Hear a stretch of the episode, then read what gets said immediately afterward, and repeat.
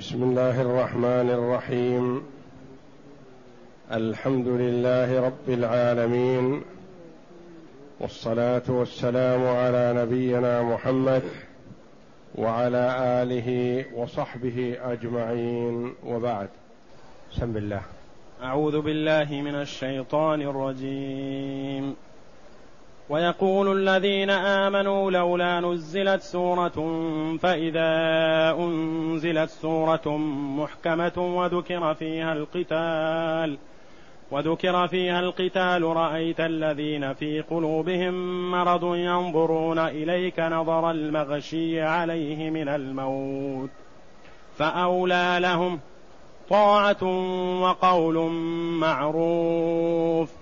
فإذا عزم الأمر فلو صدقوا الله لكان خيرا لهم فهل عسيتم إن توليتم أن تفسدوا في الأرض وتقطعوا أرحامكم أولئك الذين لعنهم الله فأصمهم وأعمى أبصارهم هذه الآيات الكريمة من سورة محمد صلى الله عليه وسلم جاءت بعد قوله جل وعلا فهل ينظرون إلا الساعة أن تأتيهم بغتة فقد جاء أشراطها فأنى لهم إذا جاءتهم ذكراهم فاعلم أنه لا إله إلا الله واستغفر لذنبك وللمؤمنين والمؤمنات والله يعلم متقلبكم ومثواكم. ويقول الذين آمنوا لولا نزلت سورة فإذا أنزلت سورة وذكر فيها وذكر فيها القتال رأيت الذين في قلوبهم مرض ينظرون إليك نظر المغشي عليه من الموت فأولى لهم. طاعة وقول معروف. كان المؤمنون يتمنون ويدعون الله جل وعلا بعد هجرة النبي صلى الله عليه وسلم من مكة إلى المدينة واستقراره في المدينة ومعه الصحابة من المهاجرين والأنصار وأبرم المعاهدة مع يهود المدينة. تمنى المسلمون ودعوا الله جل وعلا أن يفرض ويوجب ويأذن لهم بالقتال لأنهم رأوا أن الجهاد في سبيل الله من أفضل الأعمال. والمرء إذا ظفر بالشهادة في سبيل الله فهو حي عند ربه يرزق. ولا تحسبن الذين قتلوا في سبيل الله أمواتا بل أحياء عند ربهم يرزقون. والشهيد يغفر له عند أول قطرة من دمه. قال رسول الله صلى الله عليه وسلم إلا الدين. أخبرني بذلك جبريل آنفا. لأن الدين حق من حقوق العباد وحقوق العباد مبنية على المشاحة. كل يطلب حقه. الوالد يتمنى أن يكون له حق على ابنه ليستوفيه. الولد يتمنى أن يكون له حق على أبيه أو أمه ليستوفيه. رأى المسلمون فضل الجهاد في سبيل الله وفضل الشهادة ولما أصابهم من أذى شديد من كفار قريش ليشفوا غيظهم على الكفار. فكانوا يتمنون الجهاد في سبيل الله. يقول الله جل وعلا ويقول الذين آمنوا لولا نزلت سورة. هل نزلت سورة محكمة لا نسخ فيها تأمر بالجهاد والقتال في سبيل الله؟ يتمنون هذا. فإذا أنزلت سورة محكمة لا نسخ فيها لأن أشد شيء على المنافقين السور المحكمة الآمرة بالجهاد والقتال لأنهم لا يريدون ذلك. كأنهم يقولون ما دام الأمر صلاة وزكاة وصيام وأعمال طاعة هادئة يريدونها ولو لم يحتسبوا الأجر. لكن الجهاد فيه إزهاق الروح. وإن رفضوا الجهاد انكشف أمرهم وعندهم من الجبن والخور والخوف ما يمنعهم من الخروج للقتال. لأنهم لا يؤمنون بالآخرة فلا يريدون القتل.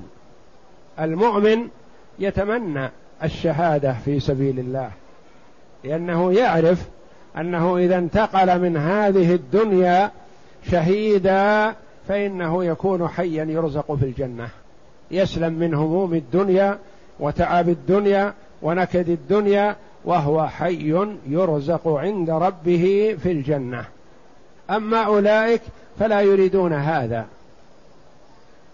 ولهذا كانت أثقل الصلاة عليهم على المنافقين صلاة العشاء وصلاة الفجر لأن فيها نوع من المشقة.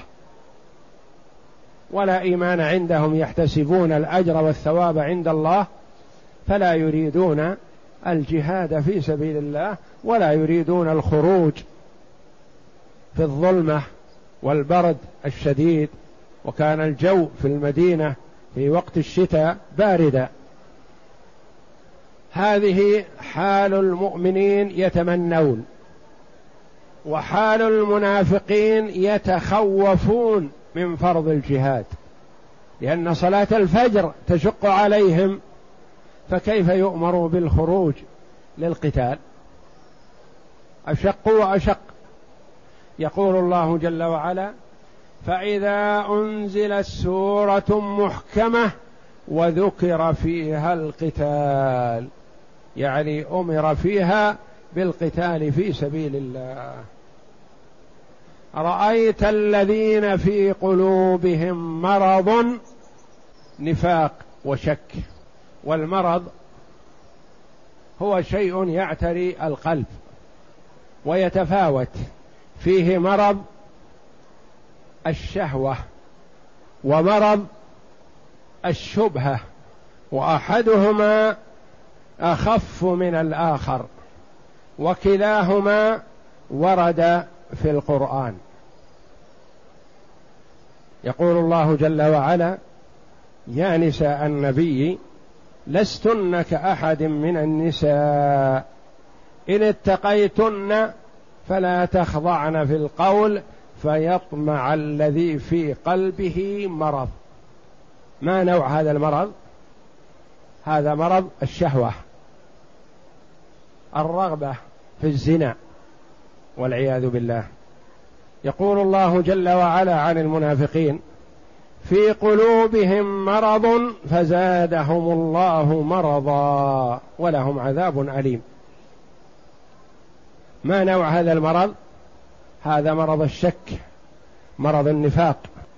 ومرض النفاق الشك مخرج من الملة والعياذ بالله صاحبه كافر في الدرك الأسفل من النار.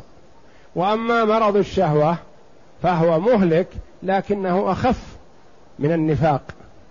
مرض الشهوة ممكن صاحبه أن يتوب أو أن يتزوج فيقلع.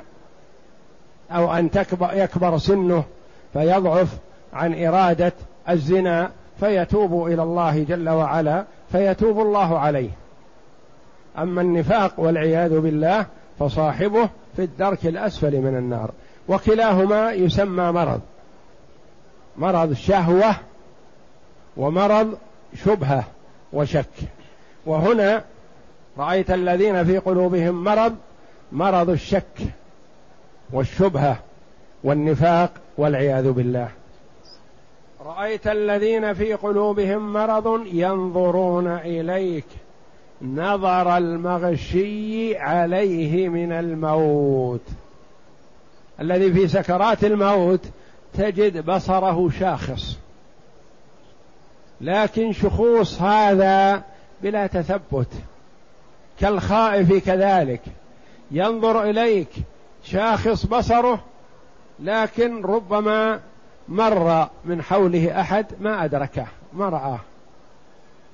فهم ينظرون بحدة وقوة ولكن لا تثبت ولا قوة إدراك. وإنما نظر خوف وذعر. كالخائف المذعور أو كالذي يعاني من سكرات الموت. لأن الذي يعاني من سكرات الموت يشخص بصره.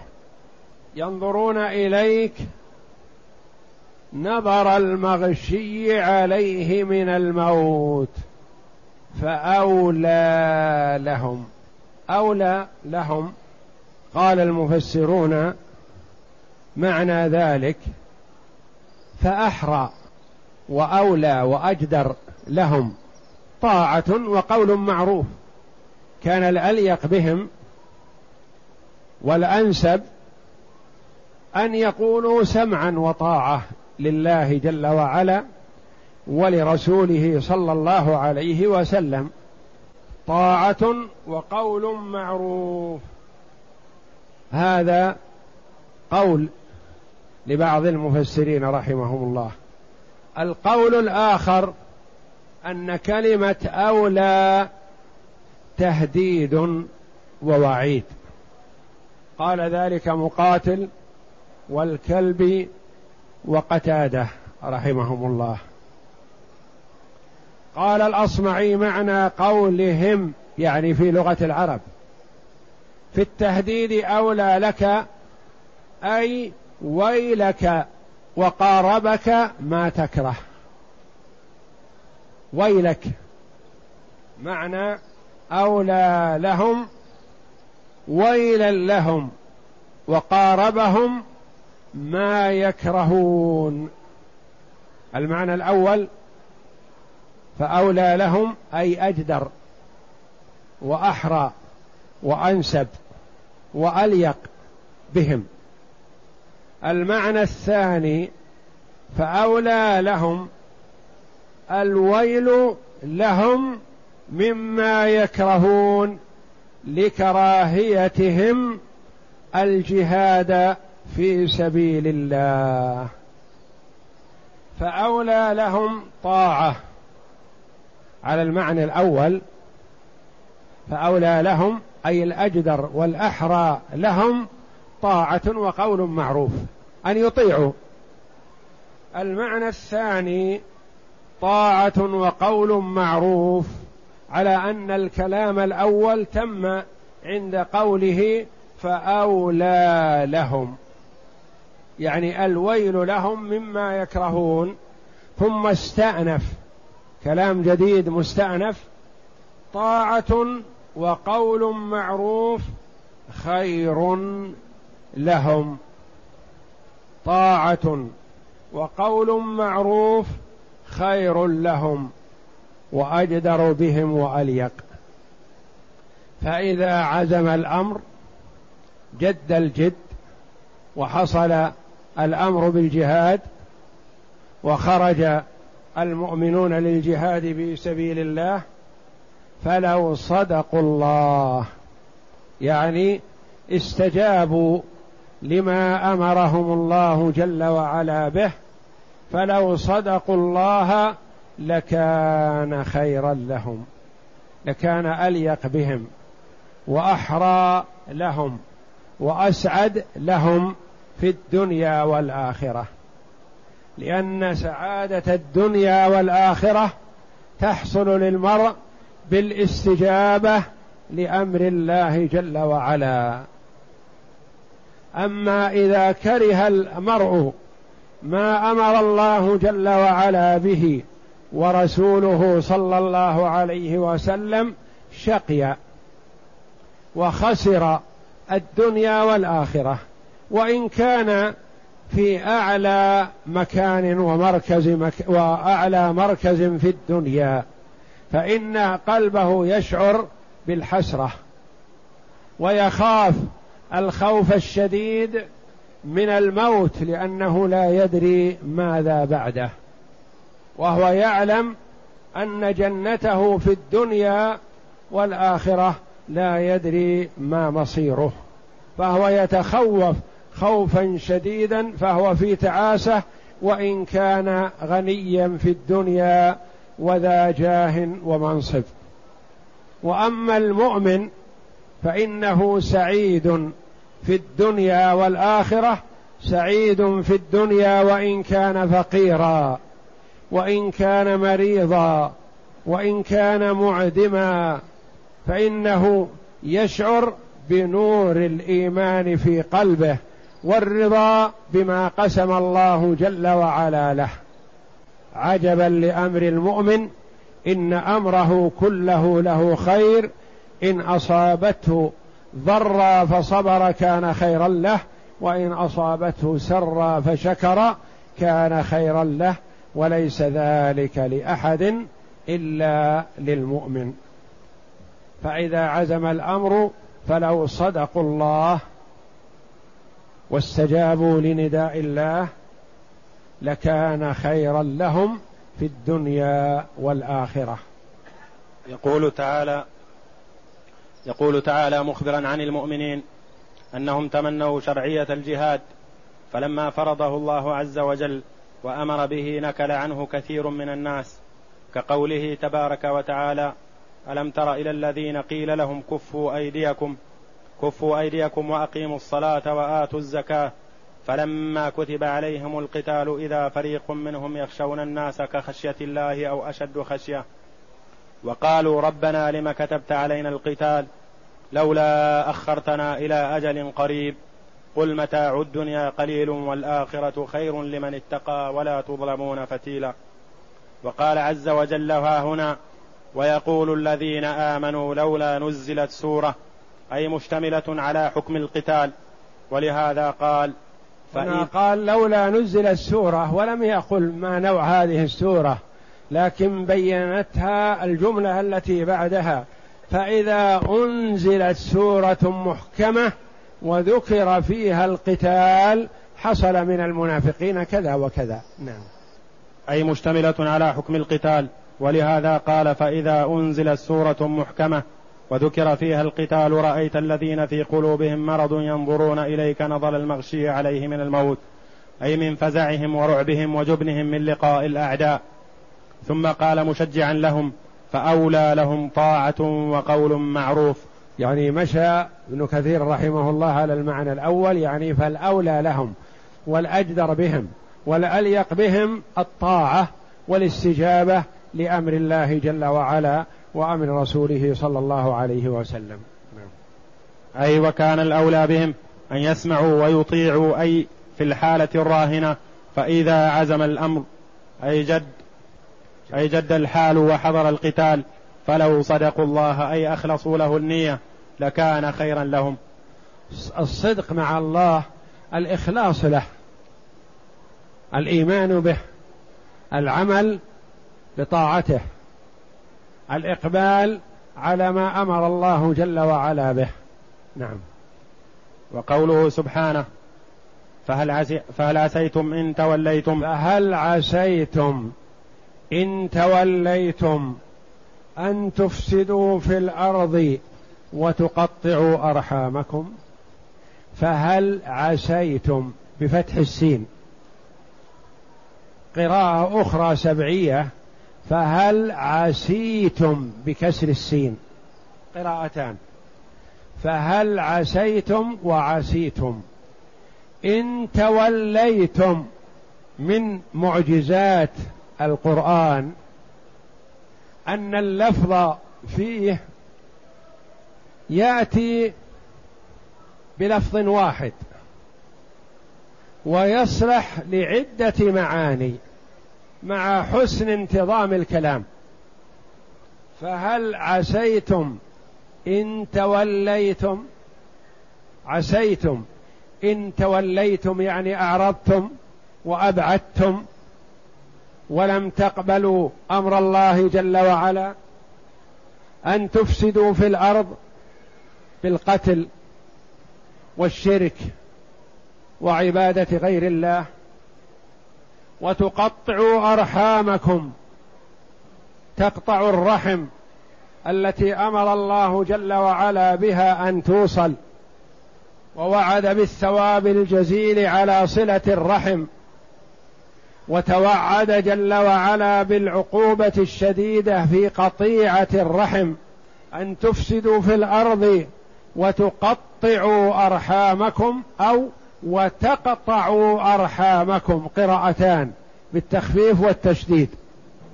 الذين هذه صفتهم يعرضون عن أمر الله ويفسدون في الأرض ويقطعون أرحامهم أولئك الذين لعنهم الله طردهم من رحمته وأبعدهم لأنهم عادوا بأنفسهم إلى حالة الجاهلية.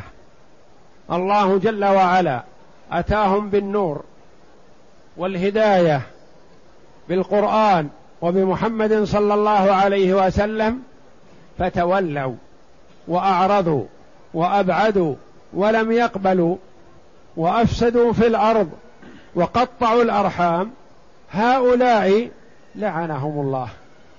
أبعدهم من رحمته. فأصمهم جعل فيهم الصمم وأعمى أبصارهم. قال العلماء أصمهم لم يقل جل وعلا أصم آذانهم وأعمى أبصارهم ولم يقل وأعماهم.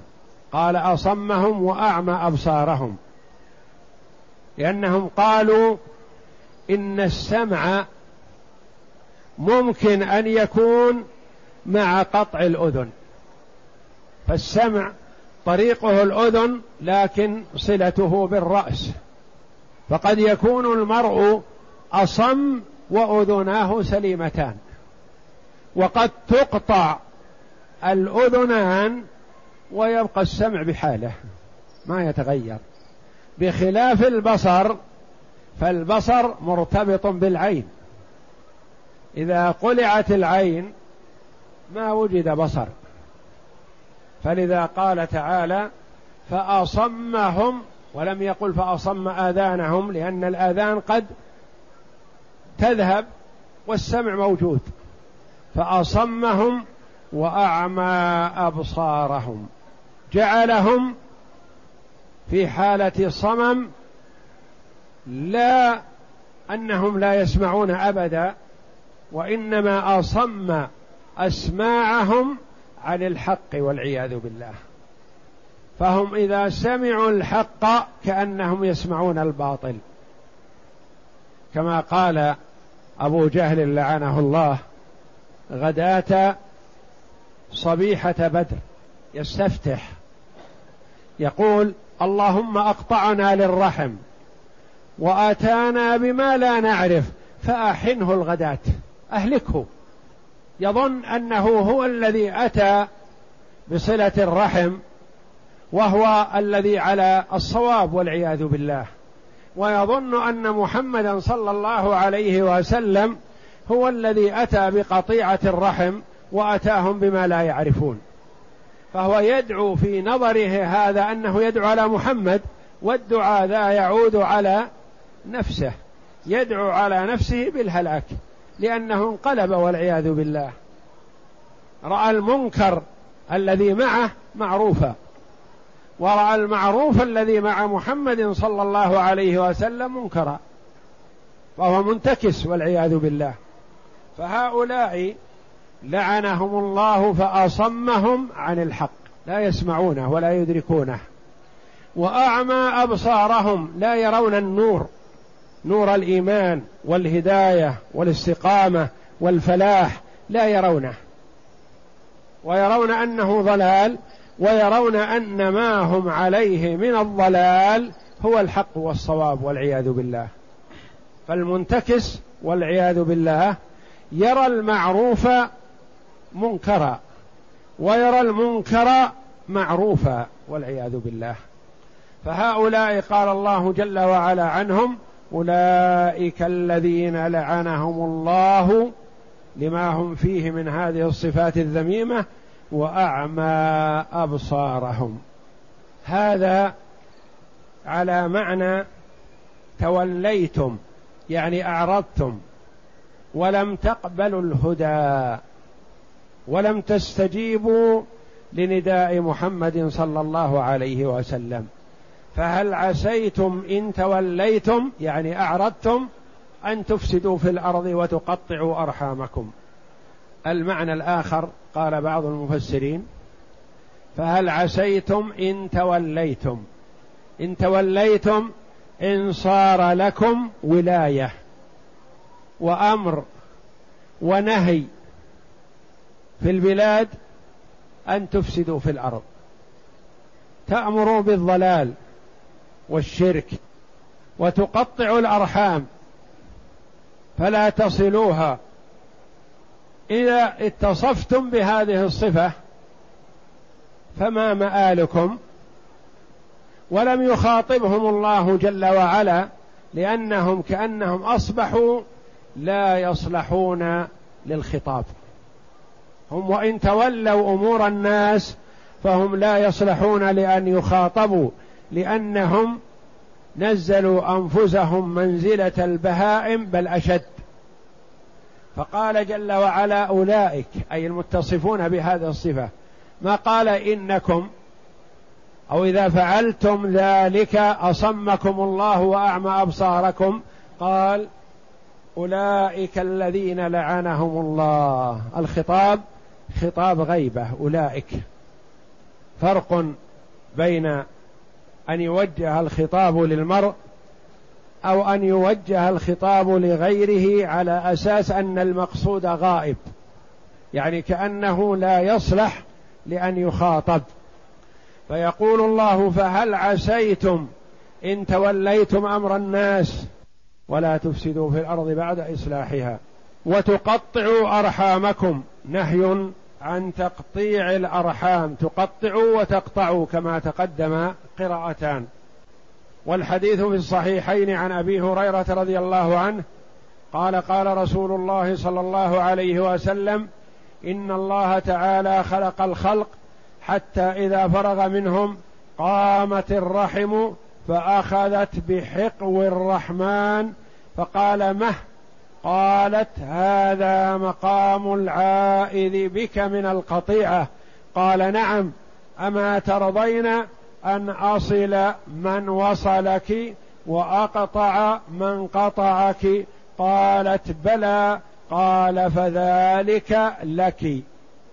ثم قال رسول الله صلى الله عليه وسلم مستشهدا لما يقول من كتاب الله جل وعلا اقرأوا إن شئتم فهل عسيتم الآية؟ فهل عسيتم إن توليتم أن تفسدوا في الأرض وتقطعوا أرحامكم. ومن أحب أن ينسأ له في أثره ويبسط له في رزقه فليصل رحمه. صلة الرحم سبب لبسط الرزق وكثرة الخير وطول العمر وأن يبارك في عمره. يكون عمره مبروك. ينفعه الله به.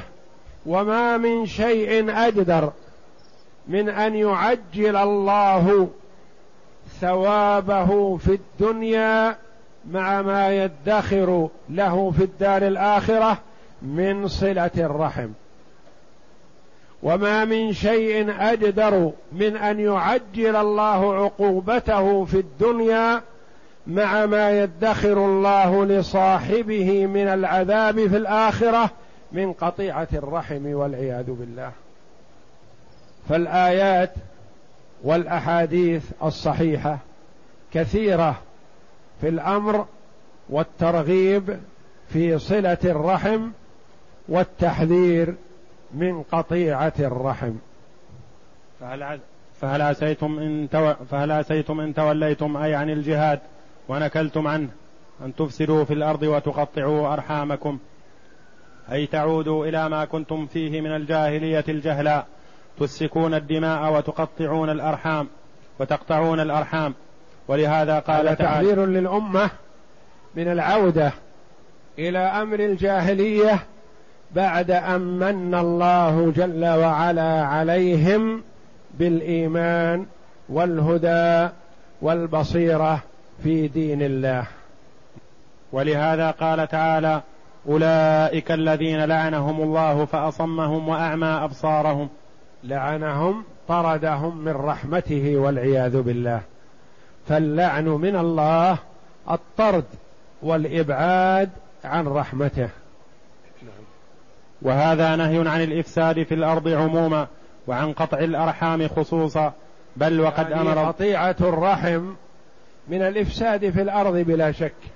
ونوه الله جل وعلا عنها بالذات مع أنها مشمولة بالإفساد في الأرض لأجل التحذير منها. والله جل وعلا يخصص بعد التعميم للتأكيد على الخصوص أو تكريم هذا المخصوص. قل من كان عدوا لله وملائكته وجبريل وميكال. جبريل وميكال داخلان ضمن الملائكة وخصهما الله جل وعلا. تكريما لهما لأن اليهود قالوا للنبي صلى الله عليه وسلم من الذي يأتيك بالوحي؟ قال جبريل. قالوا لو كان غير جبريل لاتبعناك لكن جبريل عدو لنا. ما نقبل ما يأتي به. فأنزل الله جل وعلا قل من كان عدوا لله وملائكته ورسله وجبريل وميكال فإن الله عدو للكافرين. نعم. بل وقد أمر الله تعالى بالإصلاح في الأرض وصلة الأرحام وهو الإحسان إلى الأقارب في المقال والأفعال وبذل الأموال وقد وردت الأحاديث الصحيحة. والملائكة عليهم الصلاة والسلام لما قال الله جل وعلا وإذ قال ربك للملائكة إني جاعل في الأرض خليفة. قالوا أتجعل فيها من يفسد فيها ويسفك الدماء؟ ونحن نسبح بحمدك ونقدس لك لأنهم توقعوا أن الغالب وهذا هو الصحيح توقعوا أن الغالب في من يوجد في الأرض أن يكون كذا ولكن يوجد قلة خيار.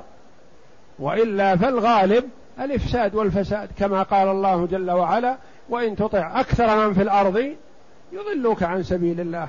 وقال تعالى وما أكثر الناس ولو حرست بمؤمنين. عن رسول الله صلى الله عليه وسلم من طرق عديدة ووجوه كثيرة.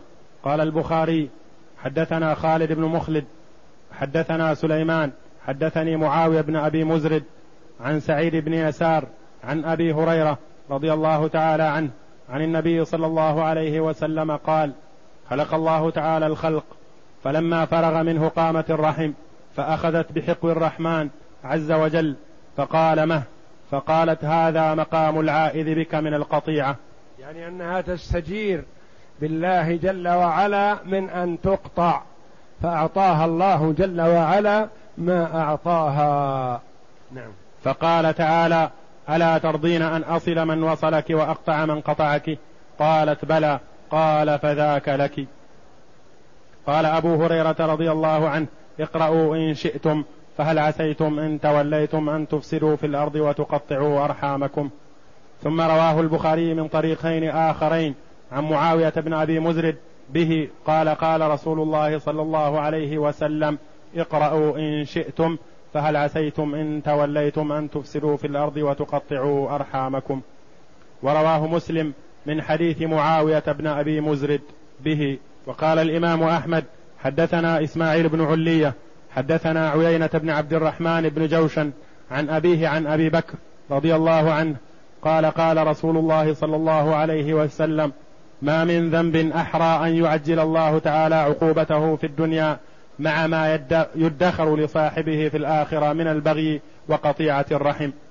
البغي السعي في الأرض فساد وقطيعة الرحم والعياذ بالله.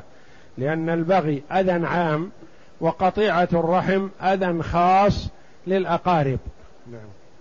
ورواه أبو داود والترمذي وابن ماجه من حديث إسماعيل هو ابن علية وقال الترمذي هذا حديث صحيح وقال الإمام أحمد حدثنا محمد بن بكر حدثنا ميمون أبو محمد المرئي حدثنا محمد بن عباد المخزومي عن ثوبان رضي الله عنه عن رسول الله صلى الله عليه وسلم قال من سره النسأ في الأجل النسأ في الأجل يعني يبسط له يمد في أجله.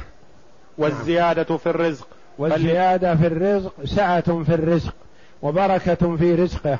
وكن رزقه حلال ومبروك وينتفع به. نعم. فليصل رحمه. تفرد به أحمد وله شاهد في الصحيح. والله أعلم. وصلى الله وسلم وبارك على عبده ورسول نبينا محمد وعلى آله وصحبه أجمعين.